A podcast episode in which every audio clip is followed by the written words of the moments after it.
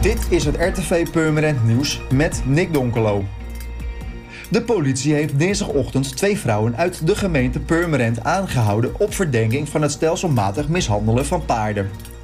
De politie kreeg meerdere meldingen dat de twee verdachte paarden ernstig zouden mishandelen tijdens zogenaamd trainingsmethoden van paarden.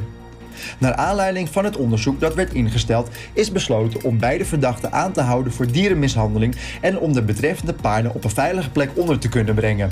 Op dit moment zijn er zeven paarden in beslag genomen voor nader onderzoek. Enkele andere dieren van deze verdachten zijn meegenomen voor nadere zorg. Al deze dieren worden ondergebracht op een locatie waar zij de zorg krijgen die ze nodig hebben. De dierenpolitie heeft tijdens het onderzoek de dierenarts en gedragdeskundige van paarden ingeschakeld. De politie zet het onderzoek voort en sluit meerdere aanhoudingen niet uit. Op maandag 21 maart wordt er in het theater De Purmerijn een benefietconcert voor Oekraïners georganiseerd. Met het concert willen de initiatiefnemers steun betuigen aan de burgers die moesten vluchten uit Oekraïne voor hun veiligheid en zij die achterblijven in angst.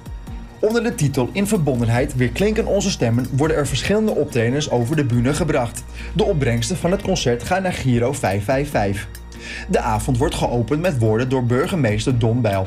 Hierna zijn er optredens van onder meer het Stedelijk Orkest Purmerend en het Russisch Nederland Ensemble. Het concert begint om 8 uur en kaarten zijn 17,50 per stuk en kunnen online gekocht worden via depurmerijn.nl. De watersportvereniging Purmerend neemt afscheid van haar groene cabine met daarin sanitaire voorzieningen en het kantoor van de havenmeester.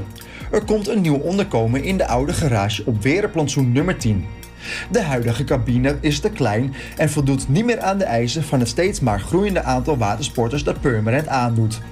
Er komen gescheiden ruimtes voor mannen en vrouwen met toiletten en douches. Daarnaast komt er een groter kantoor voor de havenmeester. Het nieuwe onderkomen komt in de oude garage net achter de plek waar de groene cabine nu staat.